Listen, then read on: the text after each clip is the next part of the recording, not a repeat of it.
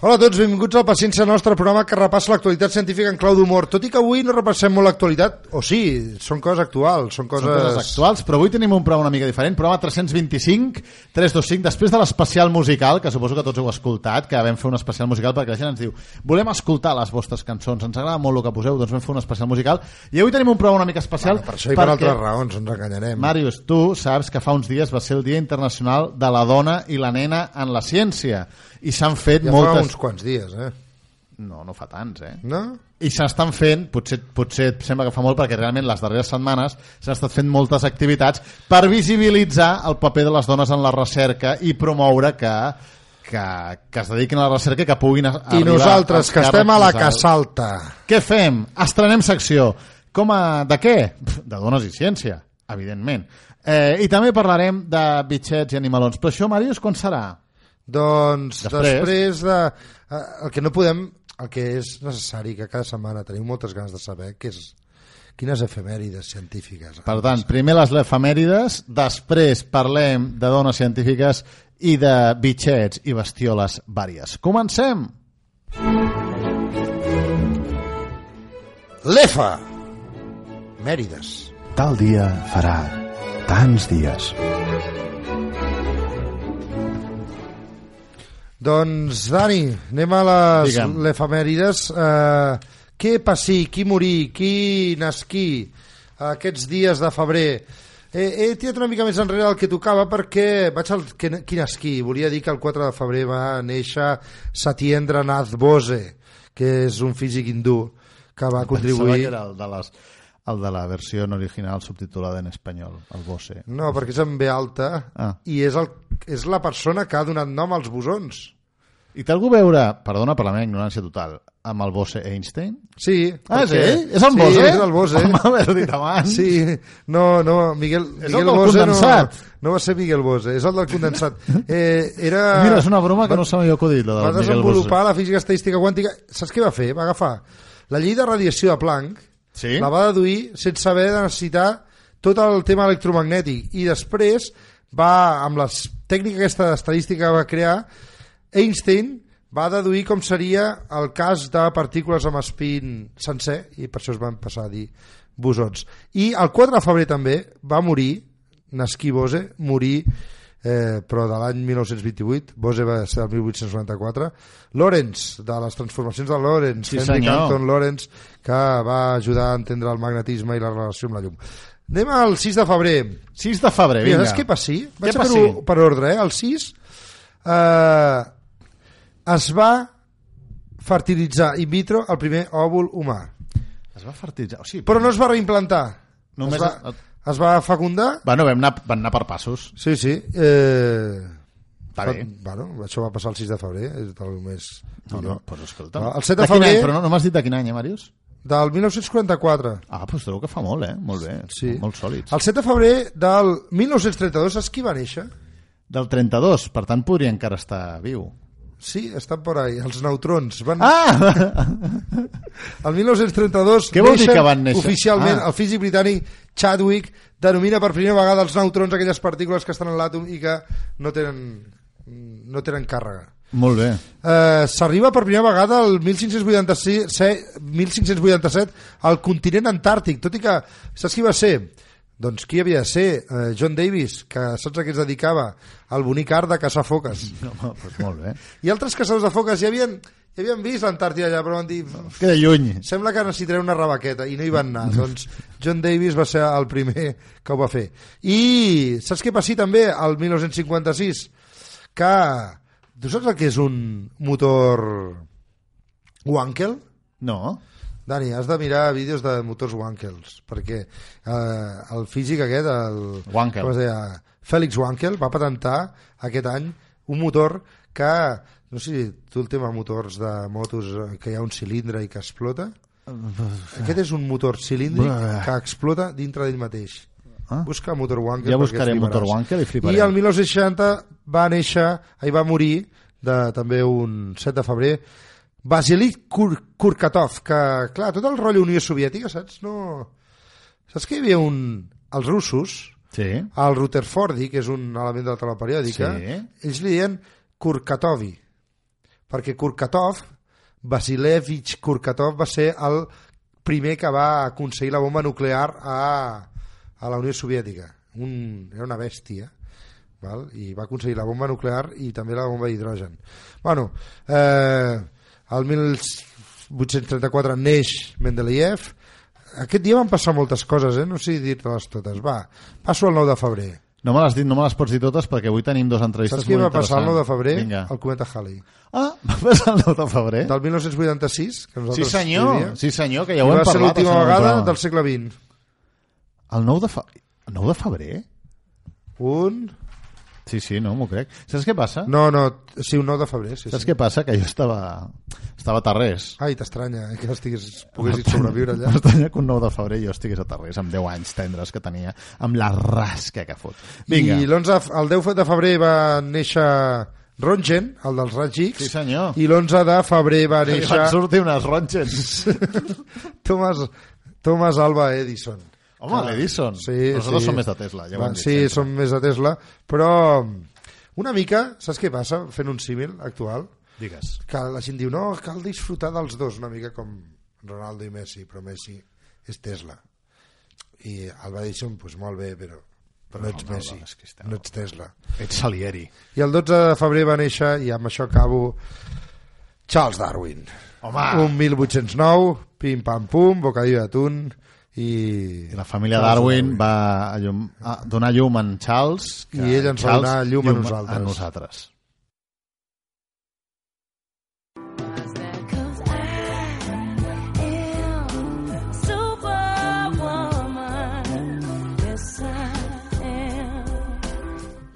Dones amb paciència. amb Esther Sánchez.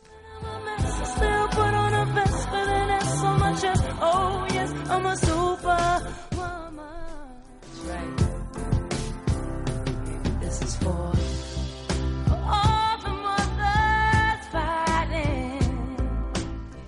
Oh, estrenem secció avui. Sí, estrenem, estrenem secció, ja sabeu que ens agrada, portar gent nova, gent que ens aporti coses, amb aquesta música així, tan suggerent, és un canvi de, de ritme, anem un d'allò més pausat, Alicia Keys, Alicia Keys, i... que és com Alicia Claus. Sí, l'Alicia, que deu ser la germana del Santa, Santa Claus. Bé, però aquest no és el tema que parlem avui, sinó benvinguda. Primer, benvinguda a la nostra col·laboradora, què tal, com estàs? Tarda.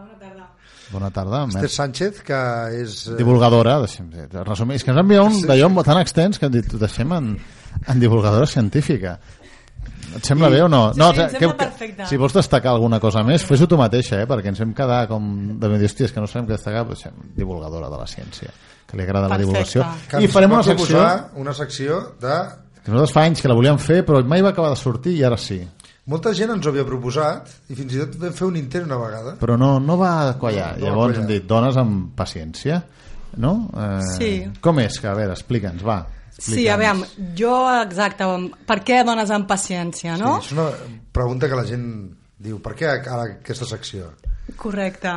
Doncs a veure, jo penso que per exemplificar molt breument i ràpidament el per què d'aquesta secció és fer un petit exercici que és pensar en cinc noms de científics que la gent del carrer pugui conèixer, homes, Ara, amb molts oients els està patant el cap. Eh, No, però els nostres oients sí que et dirien cinc homes científics, Sí. Màrius. o no sé si cinc, però No, home, sí, cinc te'ls dirien. no és tan fàcil, eh? Home, sí, Màrius, els nostres oients no et dirien la ciutadania en general, però els nostres oients sí, et dirien Einstein, Darwin, a tots aquests No, però diuen. cinc dones. No, clar, Homes, però estem en homes. homes. Ara estem a homes. Estem Que a Ai, Màrius, no ai, estàs ai. escoltant. No, No, però és que jo ja veig on anem a parar. Jo estic ja... El Màrius no està escoltant. És, No un, està és típic, no eh? Home, sí, home, sí. És que jo Bueno, sé, segueix, jo sé segueix. on anem a parar ara. D'aleshores, on anava el Màrius, si pensem en cinc dones, o proposem pensar en cinc dones de la ciència, doncs aquí ja és més difícil. Probablement sortiria Marie Curie, Segur que té el, la gent És el clàssic. això. Però ja està. Pues, Algú més? No, jo crec que a la gent no li sortia A la gent eh? cap més, no? i és que a més el curiós és que si ens fixem, Marie Curie porta el, nom, el cognom del seu marit, Sí, perquè és Maria Sklodowska. Correcte, Sklodo- molt bé. com? Sklodowska? Sklodowska, sí. Sklodowska, sí, sí. I aleshores, clar, mm, aquí ens està dient molta, molta informació de per què tenen, tenen paciència les dones en ciència, no?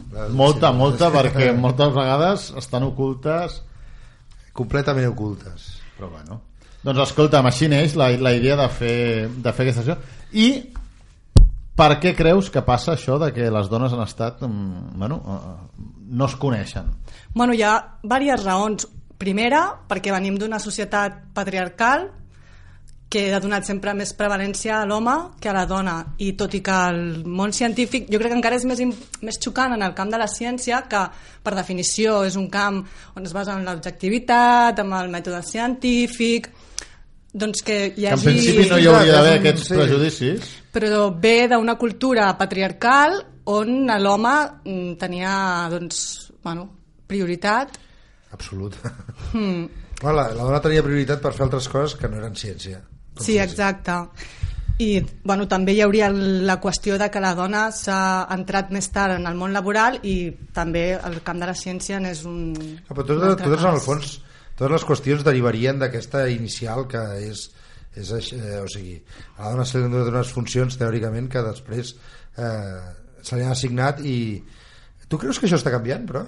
Sí, sí, sí, aviam. Jo entenc en els últims anys, de la mateixa manera que avui en dia, per exemple, ja no ens sobta veure un home anar a comprar amb el, al supermercat o no ens sobta un home anar a portar a l'escola els seus fills, doncs eh, en el camp de la ciència això està canviant, però potser no tan ràpid com ens agradaria. però ha triomfat eh, aquesta objectivitat i, o encara, No. encara hi ha una reticència que...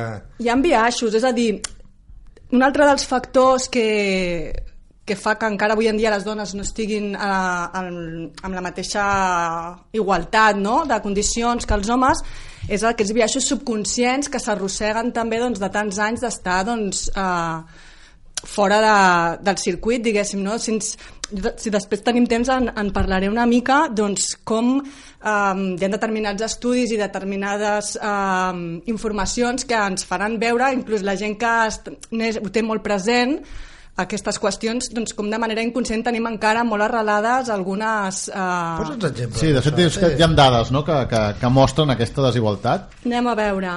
Hi ha un estudi molt, bueno, bastant in, impactant en aquest sentit que es va fer als Estats Units, una psicòloga social, que van fer, es diu el cas del currículum de Jennifer i, i John.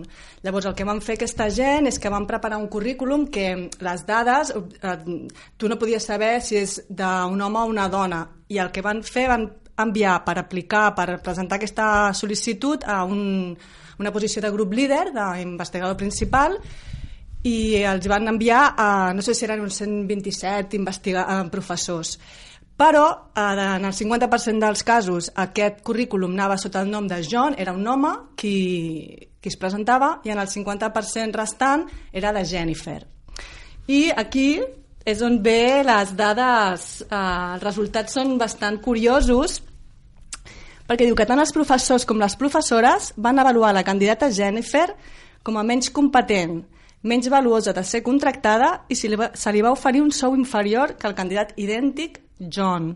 Tot això estem parlant a la universitat. Sí, el camp I a universitari. part que no només són els homes que discriminen les dones, sinó que les pròpies dones també. Correcte. O sigui, hi ha, una, hi ha un... O sigui, que, que és en els... Bueno, que, que està com molt implantat, com molt inherent. Mm. És que en aquest estudi, per exemple, els avaluadors que van avaluar aquestes candidatures, eh, tant les dones com els homes van caure en aquests biaixos, és a dir, tant, tant les dones com els homes que van avaluar van eh, considerar eh, que la Jennifer mereix- mereixia menys sou, que era menys eh, valuosa, per tant, en aquest sentit, eh, es discrimina igual eh, en els dos gèneres, sí.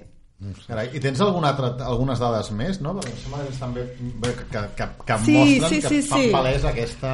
Exactament, sí. Bueno, que, que, no hi ha, que no hi ha igualtat en, en la recerca. Tenim també un... Bueno, hi ha un, un vídeo de, que va fer la institució Cerca. La institució Cerca és... Eh, els centres Cerca són els eh, centres que estan subvencionats per una part o per la Direcció General de Recerca de la Generalitat i van fer un vídeo que es diu Recru- Recruitment Bias in Research Institutes que bueno, et donen exemple, posen un, fa, un hipotètic cas de selecció d'una persona per, in, per ser grup líder i en aquesta, aquests avaluadors a vegades doncs, els eh, biaixos en els que cauen per exemple, en el cas d'una investigació, si es presenten un home i una dona per aquesta posició, doncs si la dona ha publicat molt amb el seu mentor, amb l'investigador en el qual està vinculada, mm, es farà una interpretació, una interpretació d'això com que està molt, encara molt lligada, molt depenent al seu mentor, mentre que en un home se li veurà com que és algo de, mira, són col·legues, no? És, uh, està bé. O en el cas d'haver publicat en una revista de prestigi, tenir algun article, algun paper en alguna Nature o algun d'aquests, doncs en una dona se li qüestionarà i se li preguntarà més de, bueno, però quan, quin percentatge vas estar tu implicada en aquesta investigació? En canvi, en un home... Ja es no. dona com per... Si realment... No, no, que és, és el que deia el Màrius, que és curiós que en un àmbit on en principi regeix tant l'objectivitat i, i, i tant la raó i tot això, encara hi hagi, i, i gent en principi doncs educada i amb un nivell de coneixements i tot això elevat, doncs que encara hi hagi eh, aquests endarreriments en, en, en certs aspectes. I a nivell un- d'universitats també hi ha en conforme, hi ha una, el que es diu una segregació vertical, és a dir, a mesura que anem pujant en l'escala jeràrquica, cada vegada trobem menys dones. És molt curiós que a la universitat quasi hi ha més dones que homes, normalment, i acaben la, que als estudis universitaris més dones que homes, però després, a la mesura que vas eh, doctorant, doctorant no, però A mesura que puges de càrrec i tot això, la, la, la progressió, eh, les dones van Sí, jo només Correcte. dic, han passat prou anys com perquè o sigui, abans també potser els estudis universitaris el feien més homes que dones eh, han passat prou anys com perquè o sigui, ja puguem fer una avaluació i veure que fins i tot en igualtat de condicions això segueix passant és la meva pregunta una mica eh? Mira, amb el, no sé, per exemple... El... bueno, clar, un cop m'has dit ho del John i la Jennifer és evident que encara està passant Sí, sí. I però, el... però clar, eh, eh, clar, les societats també van canviant. O sigui, ara mateix, clar, jo recordo mm, una carrera com física perquè a més hi ha aquests estereotips de, de que hi havia coses que no eren tan per dones i, i, i jo ja quan vaig estudiar érem el 50% clar, es, trigarà uns anys encara a notar-se potser aquest eh, ascens vertical Mm, sí. o hi ha llocs que ja també s'està veient que encara no la cosa no, No, de fet, les carreres més tècniques encara avui en dia són més d'homes, o hi ha més homes, vaja, no és que siguin més d'homes, sinó que n'hi ha, hi ha més homes que les carreres potser de, de, per exemple, les carreres com a infermeria on s'ha de cuidar, això de manera més inconscient, les dones acaben tirant més cap més cap aquí. carreres. I a les carreres més tècniques, sempre encara avui en dia hi ha més homes. I, I què es pot fer o què s'està fent des de l'administració per intentar combatre eh, doncs aquesta, aquesta desigualtat flagrant que, que existeix? Mm, hi ha un marc jurídic i crec que això també fa una mica lligar amb el que deia el Màrius perquè aviam, sí que hi ha un marc jurídic tant a Catalunya com a Espanya com a Europa el que passa que el problema potser és que hi ha les directrius que, o les, les lleis, però això és molt bé, és com un marc jurídic, cal definir, és a dir, per, per exemple, posem el cas de Catalunya. Catalunya la primera llei que hi ha és del 2003, és la llei 1 barra 2003 d'universitats. I aquesta, això és un primer pas i està molt bé perquè és com bueno, dir, detectar el problema, però mm, si tu no fas res més que establir una llei i no concretes amb accions, això Clar, no... queda en paper També mullat. segueix estant subjecte a la interpretació del, de l'avaluador Bueno, o i, del... sí, o que si tu, vale, hi ha aquesta llei, hi ha aquesta problemàtica de desigualtat entre homes i dones, però has d'anar un pas més enllà, és a dir, bueno, doncs, quines accions s'han de fer per resoldre aquest problema. En aquest sentit es va fer la Comissió de Dona i Ciència el 2006, on aquí ja sí que se'ls demanava a les universitats catalanes elaborar un pla d'igualtat entre homes i dones i que aquest fos redactat abans de finalitzar el 2007. Això ja és una cosa més concreta. Si tu tens una llei, està molt bé, però ni la llei t'obliga ni... Vull dir, pot quedar Clar, això... fins que no sí, s'han de, s'ha de concretar en accions. Correcte, llavors, el, i això és la, la llei aquesta, o la Comissió de Dones i Ciència es va crear el 2006, és que si ens hi fixem, doncs tampoc, està no, tot no, fa, molt clar, a... 10 anys pràcticament, no, no fa res. Així que llavors, després, mm, posteriorment, a Catalunya es va fer la... hi ha una llei, una altra nova llei, que és la 17 barra 2015, que aquí ja sí que també es fa un pes més enllà perquè es redacten o es recullen les obligacions. Ja et diu, vas a fer això... Has de fer això, has de fer això i has de fer que allò. aquí és... Això sí que és una cosa més útil. I a nivell espanyol també hi ha unes lleis M'agrada perquè la llei es diu d'igualtat efectiva, com dient. Ara ho hem de fer efectiu, Correcte. no, no és paraules, ara, sisplau, o sigui, abans van fer una llei que no era, que no era efectiva, efectiva, i ara- i ho van reconèixer. Són humils que- en aquest sentit, no? Anem a fer la que sigui efectiva. Aquesta és la bona. No sigui només en el, en el paper. I, per exemple, a nivell europeu també està molt bé perquè hi ha el programa, el programa aquest europeu Horitzó 2020, amb això que estem comentant ara, Sí. és molt més... Eh, perquè en aquesta, aquesta gent el que demanen els, en el camp de recerca, en els investigadors, és quan demanen diners a la Unió Europea per, perquè subvencionar la seva recerca, els diuen que justifiquin, en el cas que sigui aplicable, doncs, com introduiran la, la visió aquesta de gènere, la perspectiva de gènere en la seva recerca, i després doncs, que també incloguin, es, intentin incloure un percentatge igual d'homes i dones en el, en el camp de la investigació, d'aquesta investigació, i en el camp dels avaluadors també.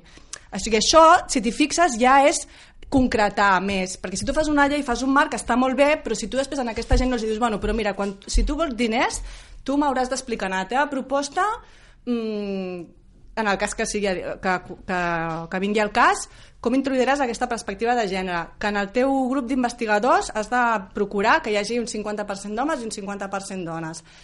I després que... mm, Quina altra cosa que era, que se m'ha oblidat. I, des, um, i exacte, i els avaluadors, en el cas que, s'hagi, que hagin d'haver avaluadors, que també siguin tant paritat amb homes i dones. També he de dir en, en aquest cas, perquè jo també faré una mica de, de preguntant entre dones que fan recerca, també és veritat que moltes dones eh, consideren, i jo també estic d'acord, que hi ha suficient talent femení en ciència com perquè no s'hagi de posar 50% per, perquè hi ha una llei Per que ho diu. És a dir, perquè aquí podem caure en el parany de que llavors posar, vale, com que s'ha de posar 50% dones i que Algú no sigui una persona preparat, adequada. Tant en una banda com en l'altra o sigui, Correcte. fins i tot, o sigui, acabis tenint 10 dones ben preparades I com que tens només 5 quatre matats i agafis Els els 5 agafis- matats i les 5 dones ben preparades I també en, aquest, en aquesta qüestió jo crec que és important el tema de la maternitat, que això és una diferència que marca, o sigui, és una Clar. cosa que marca una diferència molt gran entre homes i Perquè és dones. una aturada en la carrera científica de la dona. Sí, però com tu deies bé, jo també veig que l'entorn l'entorn de gent amb... Bueno, l'entorn que està canviant i en el fons ja cada vegada és una aturada més petita perquè, perquè en el fons es comparteixen les obligacions familiars al 50%. Sí, sí, però per exemple, sí, en, en, els, en moltes ocasions, afortunadament cada vegada menys, però sí que és cert que avui en dia encara et pots trobar algun im, grup líder que potser sigui reticent a agafar una dona postdoctorant, perquè sap que és una dona que se li, posa, que se li quedarà embarassada i que en teoria hi ha la visió de que una dona mare estarà menys compromesa amb la seva feina que un home que es pare. Quan un home es pare, a vegades es veu encara com una cosa positiva. És a dir, mira, és una persona responsable, té, està centrat... Una dona és com, ui, espera, que aquesta... Ja, però jo per, ara vaig a dir una cosa. Jo crec que això sí que està canviant més que no pas... Jo que sóc professor encara observo mm, biaixos o... Clar, per exemple, jo em poso... Tu ets avaluador i, i has de fer un, una paritat, però tens 100 homes demanant aquella plaça i 5 dones.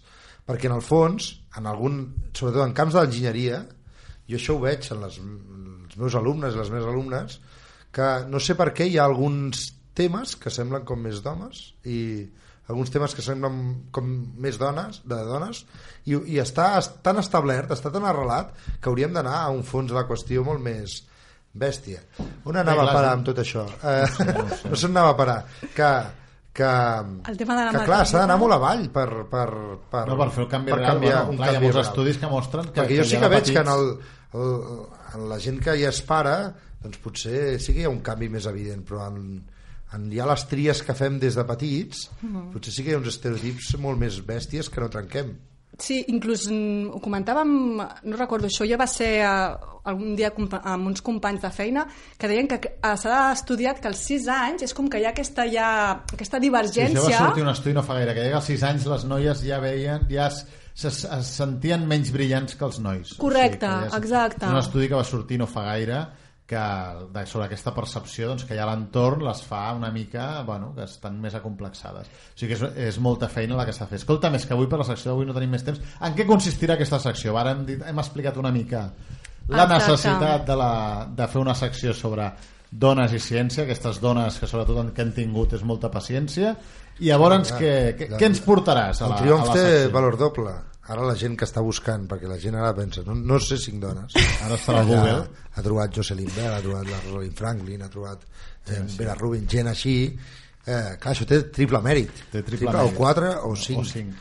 Doncs què, què ens portaràs a les properes seccions perquè la gent es faci una idea? A veure, l'objectiu de la secció és això, primer, posar consciència en aquesta problemàtica, en la desigualtat que encara avui en dia hi ha entre homes i dones en el camp de la ciència, i perquè, bueno, la, crec que part del problema, o de la solució més que del problema, radica en consciència i comprometre a tothom. I el que farem en aquesta secció és uh, donar exemples de ciència en femení, de casos concrets, posar-hi, donar-los veu, no? i també perquè així també les dones uh, tinguin referents, mm, altres referents femenins que no sigui la Marie Curie, que ens Sí, agrada alguna molt, més. però... Eh? Doncs Molt bé, doncs mira, per posar un exemple, l'altre dia vaig anar amb els estudiants a una enginyeria, sí. a visitar una enginyeria, hi havia, saps aquests grups de Fórmula 1 de la universitat? Sí?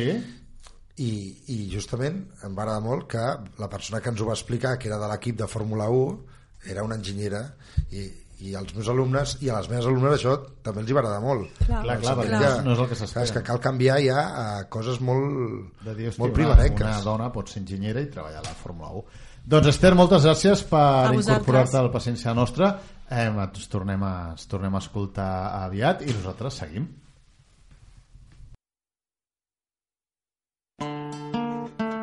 El sapo de animador anunció a los musiqueros un cuervo de guitarrero. Bichos Everywhere, Lo galán no quita lo valiente. amb Emmanuel Galán. Un bizcachón en teclado, con el bombo bien templado. Estaba un peludo ciego, de cantor un gallo tuerto y en el bajo un chancho rengo. Tu, Mari, recordes que ens va escriure un oient Sí, per algú ens va dir el- que era un chanchorrengo d'aquest, o chanchorrero, o Era alguna cosa així? un, un porc. Perquè jo pensava que era chanchorreiro. Em van corregir això. Sí? No és chanchorreiro. és un chancho Rengo. rengo. Molt bé, veus qui ho sap és el Que nostre voldria convidat. dir un porc que... Coix. Rengo era coix, això. Sí. Un porc coix és un chanchorrengo? sí. I després hi havia més animals. Hi havia el bizcachón, que és un A conill. veure, a veure, anem a Torna a posar. El sapo de animador anunció a los musiqueros El sapo y un cuervo de guitarrero y un suri de acordeonista. ¿Suri? Un suri. de violinista. Un bizcachón en teclado. bizcachón con en teclado, bien dir. templado. El Zuri, el Zuri aquest era com una rata, com un, com un gerbo d'aquests. Molt I el, el bizcachón això, Sí. ara tocant un teclat, pues, Pizcacha, també li diuen. i després, no sé què més ha dit, que aquest no el sé. No ho sé, eh, però aquí, aquí l'important no és els que són la cançó, sinó el nostre convidat. Tornem a tenir aquí. Eh, recordem que va venir no fa gaire, que ens va... Mario, jo encara estic corprès de tot el que ens va explicar sobre les llagostes. Eh? Jo ara miro pel carrer, Jo no- a veure, si no veig obro una ombra, finestres. si veig una ombra, penso, ai, és un núvol o serà Sí, jo- una plaga de Jo fins llagostes ara, quan maligna. veia una ombra, pensava, Independence Day, han vingut... Ara ja...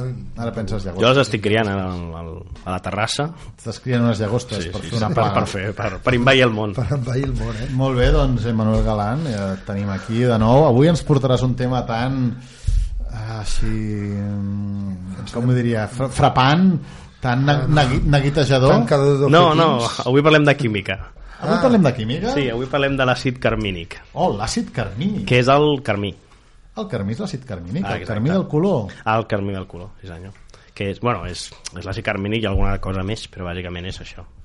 I és, un, és, No és l'additiu sentit mai. E120, que el podeu trobar pues això, a iogurts, a làctics, poden dir marques. Estàs dient que, per exemple, un iogurt d'aquests que té de, diria d'aquests que són com de frutes del bosque Sí, el de, Madu- el de maduixa barato, és àcid, el que té bàsicament és àcid carmínic sí, per donar color, sí. O aquests carmelos mastegables allargats. Menys... Palotes. Ah, el palotes. Àcid carmínic. Perdó, Cerca és que no volia dir la marca, ell. Sí, Però clar, no, hi ha, no hi ha cap altra marca. Frankfurt. No és això, no? Frankfurt també en tenen? Sí, bueno, depèn, suposo que els més baratos sí. Com, me- això al final... Sí, sí, això com més barat. Sí, sí. Més Begudes, maquillatge... No, però que, que trobo que és més complet. Quan és més barat, té més de tot. Sí, sí, sí, més variat. Té sí, molta sí. tecnologia, eh? Com, com més barat, més tecnologia té. És Jo una vegada vaig veure un reportatge de com es feien Frankfurts i, i bueno, podies dubtar en algun moment de si en tornaries a menjar però per altra banda ho miraves i deies bueno, clar, és la manera que tenim d'aprofitar Home, clar, tot s'aprofita jo sóc molt partidari, eh, sí, d'això. vull dir, No, clar, és que tots estem, estem al primer món i d'això, però si hem de donar i menjar per senyor tot... Oscar, el senyor Oscar Mayer ho aprofita tot, tot. Jo, jo recordo que per fer pinços de peixos es feia servir um, farina de plomes, que em va semblar una cosa estupenda. Eh?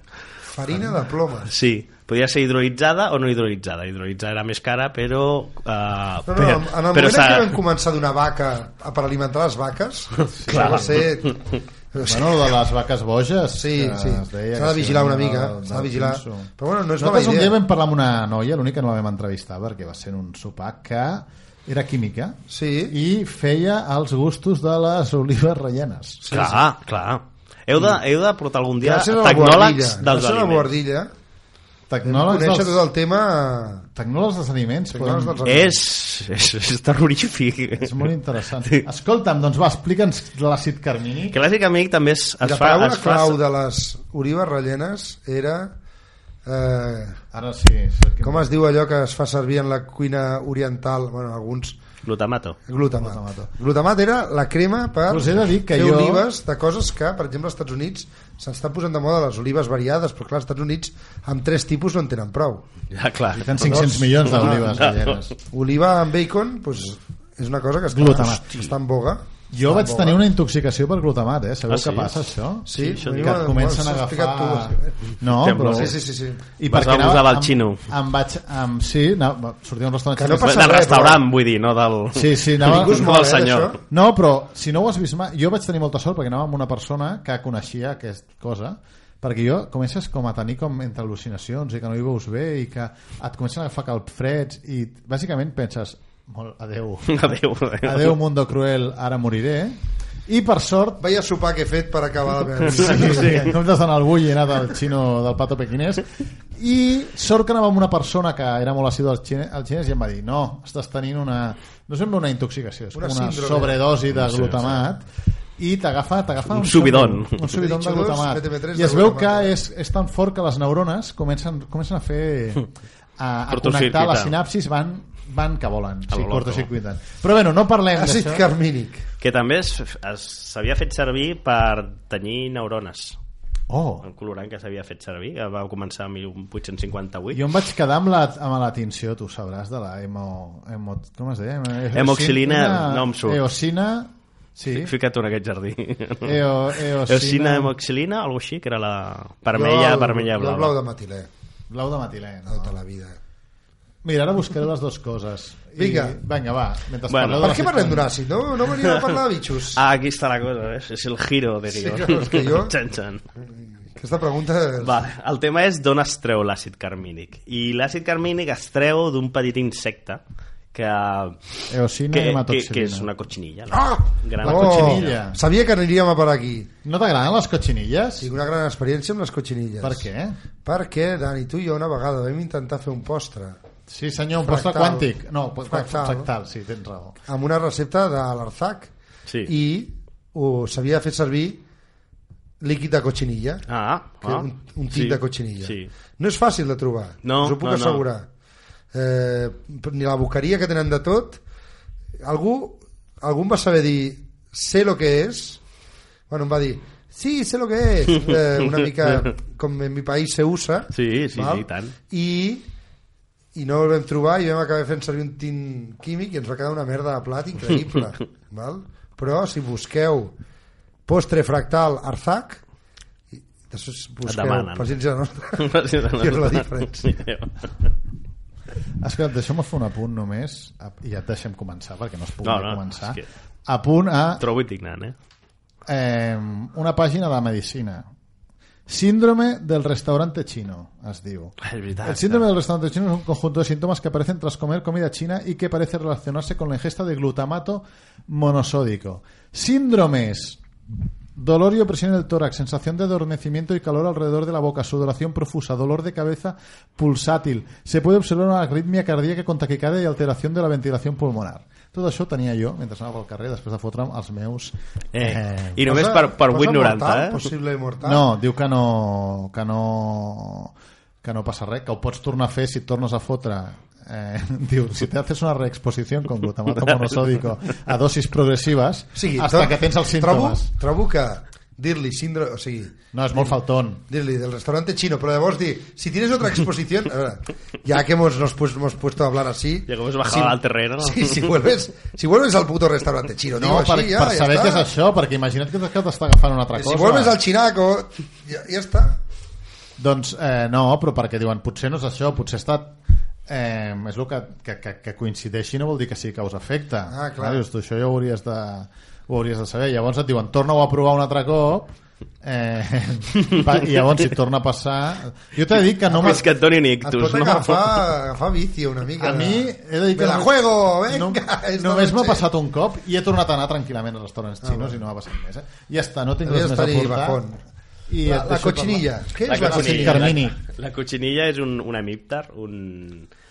Uh, que, que dins del grup i, aquesta, i dins dels hemípters està els homòpters. Uh, els hemípters són els, les xinxes els puons uh, les, ara no surt en castellà, la cigarra que és amb, que em Sí, el, que, el que no fa cas a la formiga ah, exacte, exacte, que és el que fa tant de soroll a A veure, l'estiu i aquest grup com has dit que es diuen? són hemípters I els Va, altres? I llavors hi ha un subgrup que es diuen homòpters? Sí, és que abans es deien homòpters i Hauria de ser al revés, i perquè homòpters sona més grandote. Ja, però ara Homòpter. ja els han tornat a juntar. Homòpter. Bueno, són tots aquests que tenen... No tenen... No tenen, no tenen aparell mastegador, només tenen per, Per què punxar i homo xupar. ha de sonar més... Homo, perquè les O's són més... Homo. Ja, també és veritat. Vinga, doncs són hemípters i Sí, homòpters. de, I estan... Són, bueno, pertanyen a una família que es diu Dactopilidae i aquesta, eh, dins d'aquesta eh, i aquesta està dins un altre grup que és la superfamília Coccidae, bueno, és igual, no, no atabalarem a la gent amb això, i són les cotxinilles que en, cast en català se li diuen pasteretes o caparretes Ah, no Pasteretes. o caparretes I, I perquè ens fem una idea, com és? són, són insectes una mica estranys o sigui mm, teniu en ment els pugons, per exemple que Sí. teniu la planta plena de pugons Sí, sí. Vale, doncs, eh, el funcionament és molt semblant el que passa que fi- a- que normalment en la planta plena de pugons el que veieu són femelles que estan xuclant que estan normalment sempre fixes en el mateix lloc xuclant, però vo- vosaltres veieu un insecte amb les potes tu ve, veieu l'insecte, el reconeixeu la cotxinilla fins i tot perd això normalment les femelles um, no tenen, no tenen potes, no, no tenen desenvolupades i de fet no, no fan diguem la, el desenvolupament seu complet, sinó que són gairebé tenen trets morfològics de, de, de nimfes i, i bàsicament és, és com un tros de carn enganxat a la planta xuclant. Té la boca per xuclar i bueno, els, els òrgans reproductors i, i l'insecte que està enganxat. I normalment tots aquests grups, les cotxinilles, eh, tenen solen, tenen un, una coberta com de ceres o com de pèls i normalment són, són com unes boletes enganxades a la planta de la cletxucla una, una zona on pots veure vàries amb una cosa Allò és un estranya insecte. allò és un insecte una cosa, sí. que curiosament eh, hi ha un altre insecte d'aquesta família també que, es, que, es, que també es, es fa servir diguem-ne pels humans que és la kerrialaca que és la que es, que es fa servir per extreure la goma laca no sé si us sona la goma laca es feia servir abans i és, és, un, és com un vernís però clar, és, és un polímer d'origen animal abans de, del vinil es feia servir per fer discos Ah. i es feia servir per acabats de mobles i com, com un vernís fins que van arribar els, els vernissos moderns i O tot sigui, hi ha això gent que està collint insectes? sí, Ah. Hi ha granges d'insectes? sí, sí, sí, de fet de la cotxinilla sí, Però ara no es fa tot sintètic? De fet, l'ES120 està... Bueno, ara és, ara és car, diguem-ne, i està s'ha substituït per l'ES124, que és el... li diuen vermell cotxinilla, i és un derivat del petroli. I, clar, és sintètic. Bueno, clar, és que la vida és així. lo natural és car. És car, sí, sí, sí, sí. Però si entreu a YouTube, podeu... Es poden, hi ha molts vídeos de com, de com es cria la cotxinilla i com, com se li treu el, el, el De quina pigment. mida estem parlant? El, la femella té uns 6 mil·límetres, el mascle 2,5, són molt petitets. El mascle dura... Bueno, dura poc. I es poden posar en qualsevol planta? No, no, les um, crien en, en cactàcies, bueno, en cactus. suculenta, sí, a família del um, el gènere Opuntia, que és el més conegut. Opuntia, que a més el coneixereu perquè és la figuera de moro, Eh?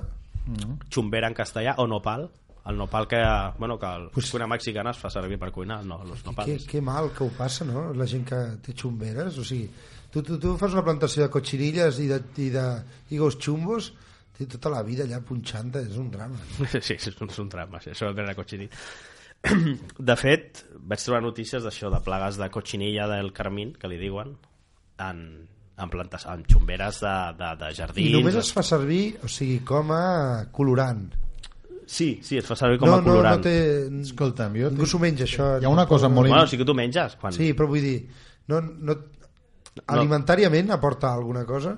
No, no, no, perquè dona poc, dona poc. És... Escolta'm. s'ac- S'acull l'insecte, s'asseca i després se li treu el... Clar, dius una cosa aquí, el guió, molt interessant, que és que, clar, un vegetarià, en principi... No, no pot menjar. Ni, ni un musulmà ni un jueu. Però llavors no poden menjar un iogurt. Els jueus tampoc? Aquell no. paio que classifica els animals? No, hi ha, hi ha un tio, no sé si ho sabeu. Quin? No. Bueno, són un rabí d'aquests, no? Sí, però hi ha un rabí especialitzat, un biòleg especialitzat en dir Ah, ja. això és kosher i això no és kosher. No, doncs no és I kosher. s'han descobert noves espècies i aquest paio analitza i diu si us el podeu menjar o no us el podeu Escolta'm una El que passa que això és força antic, llavors a lo millor, bueno, a lo millor Clar, ja va haver algun que va dir, això no és kosher. Escolta'm una cosa, però si és el, un iogurt barat de maduixa, Sí. un vegetarià se'l pot menjar. Mm, Si té 120, no? No, bueno, a veure, no, sí que se'l pot menjar. Un vegetarià... Eh, bueno, clar, depèn lo estricte que sigui. No, si és però- un vegetarià d'aquests que menja pernil, pues, No, pues no, sí. jo dic un, dic un vegetarià, però per exemple, si és el, si és el sintètic, Sí, Sí, perquè ve del petroli. és petroli. Bueno, però a veure... Bueno, bueno, eh, bueno, eh, bueno, sí, clar, no. clar, clar, el petroli què? hòstia, és molt interessant. Això dona per... Ja, però... Uf, Pot un... Clar, però quines són les la meva teves pregunta raons? és, un, un, pot un vegetarià menjar-se un iogurt de maduixa? Emmanuel Galán? primer, No. és làcteo, per tant ha de ser, Bueno, sí, ha de dep- ser depèn. làcteo vegetarià. Vale, clar, no ser si és vegetarià, en principi, si no és vegà.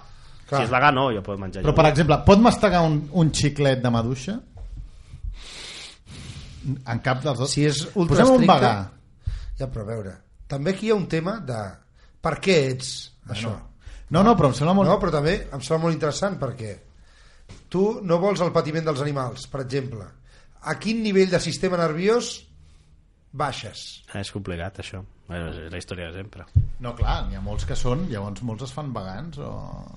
L'altre dia sentia una Ja, entrevista... llavors- és que com més baixis, al final no, no, què? no, pod- no podràs rentar les No, dents clar, perquè no no poden. maten bactèries. Clar, Bueno, és, és difícil. clar però no hi ha sistema nerviós. Ah, Al no. fons, l'empatia... Sí, teòrica, sí, és pel sistema és pel nerviós. sistema nerviós. Però llavors si tens I paràsit hi ha. Clar, si tens... els nematodes, per exemple, tenen Sistema- un sí. sistema nerviós. Em sembla molt interessant el tema aquest de si un vegetarià es pot menjar un iogurt de maduixa. No? tu t'has quedat aquí. No, perquè és una, com dius, un iogurt... Però Com clar, passa? insectes, sí. No, o un xiclet, o una melmelada. I una mosca a la sopa? Una gelatina. O pot haver Ah, begudes, gelatina, no? begudes energètiques, vols dir un Red Bull o una cosa així. Eh. Em sembla molt interessant això. Vinga, que... No, no, clar. No, és que la vida, quan decideixes triar una opció, no és fàcil, eh? No t'ho posa fàcil. Els jueus que els diguin, eh? Uf. Ah, ara m'he ara m'he anat. Sí, on estàvem?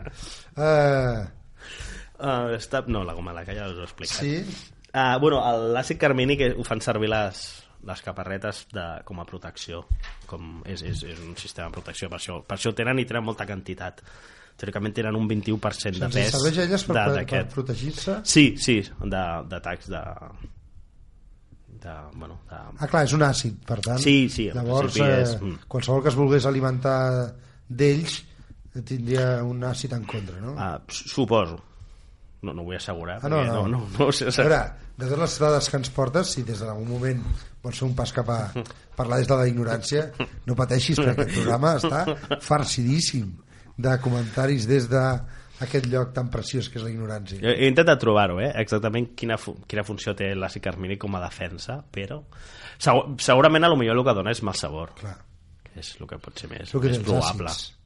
fins que t'hi vicies una mica, eh? sí. En la llimona. De principi, ah, L'àcid clorhídric. Ah, l'àcid sulfúric. Molt bé, doncs escolta, jo...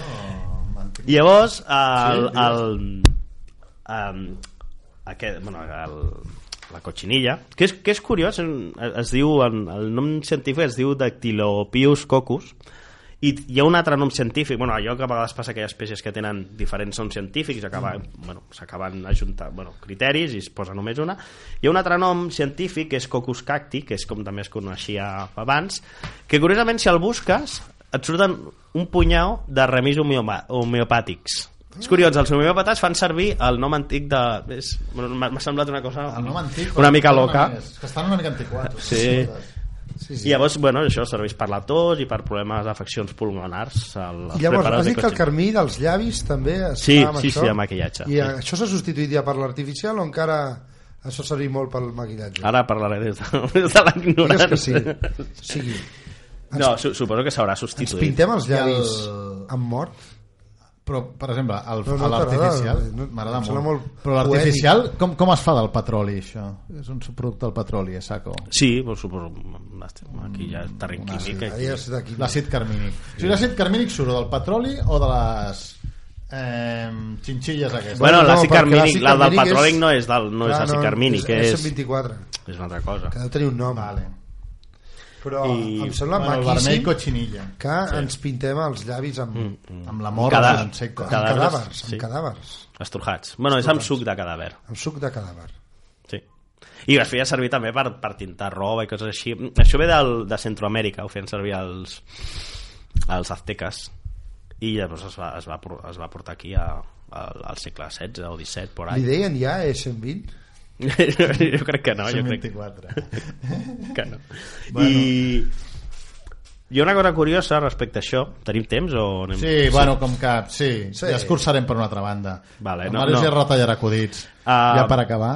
que mm, hi ha el mateix sistema de la, de la cotxinilla, aquesta del carmín, eh, perquè aquí a Europa també es feia servir, es tintava de color vermell i a l'època dels sumeris, de, de, a l'edat de ferro ja, ja, ja es té notícies de que es tintaven coses amb, de color vermell i resulta que es feia servir un altre insecte també que, no d'aquesta família però sí de la subfamília Coccidea que és el Kermes berilio que és la caparreta de l'alzina que ve a ser semblant. És també un, és, és, és el mateix funcionament una femella enganxada al, a l'alzina o, bueno, és, són espècies del gènere Quercus que és la- l'alzina, el roure i també es feia servir la, el gàrric que es diu coscoja en castellà. El gàrric és, si aneu al Garraf a caminar o aneu pel Mediterrani, aquells arbustos baixos que semblen alzines i que et trinxen les cames quan Sí, passes, senyor. això és el gàrric i es feia servir per criar sobre el gàrric el, aquest. I mm, aquí es treia el producte no de les femelles sinó es es treia de les, dels ous. Femella moria amb tot d'ou deixava el seu cos sec amb tot d'ous on sortirien les nimfes i d'aquests ous és on estava també aquest que és, és, és el que es diu àcid kermèsic que bàsicament és el mateix. El que passa que es va substituir aquest pel, per l'altre simplement perquè, era, bueno, perquè produïa més que el... És més gordote. El... Mm, Suposo que la, podries en el, en el tipus de cultiu podries tenir més, més quantitat Bueno, les d'insectes. coses normalment de, de, de llocs... Aquí tot és més petit, no trobeu? Sí, Sí. sí. Més xic, a Europa Això va amb la... Va amb la. Àfrica i de trobes un, Tot, tot, Màrius. una cosa gordota, gordota, saps? Sí, sí, sí, sí, sí, sí. I tant. Ho pots dir. Alt. m'han- m'han No, és que aquí les pluges no- moltes fotos de WhatsApp. Sí, sí. sí. No, no hi ha el blanc de WhatsApp, l'europeu de WhatsApp. Eh, bueno, va, és que no tenim més temps. Un, et vols fer algun últim apunt, No, Manuel? Doncs re- escolta, re- re- deixem aquí. Eh, el tema de l'àcid carmínic. carmínic. El... Poc us ho pensàveu, eh, que menjàveu insectes quan estàveu menjant-vos un... Iogurt de maduixa. iogurt de- Ai, si només un apunt, un apunt Vinga. important, bueno, important, important Sí, per home, mi, sí, que sóc tot- així estrany i això, però... tot és important, en aquesta Ah, també se li diu cotxinilles als, a, a uns crustacis petits, que són els porquets de Sant Antoni, amb bitxos bola... Sí, senyor, porquets de Sant Antoni. Però que no és el mateix, se'ls hi diu cotxinilles, però són diferents. Allò és, un, allò és dels pocs crustacis que els tens en terra ferma. Cotxinilles també se'ls hi diu a les famílies.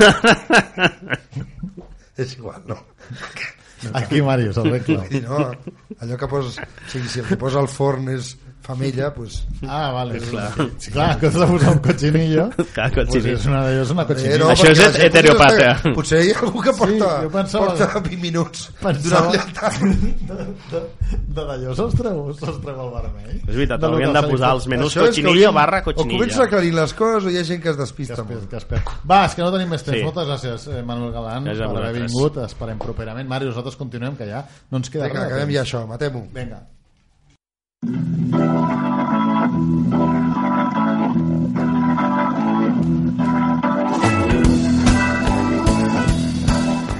Doncs ja estem a la part final del programa d'avui, el programa 325, amb aquestes dues entrevistes superinteressants sobre dones científiques i sobre bitxets.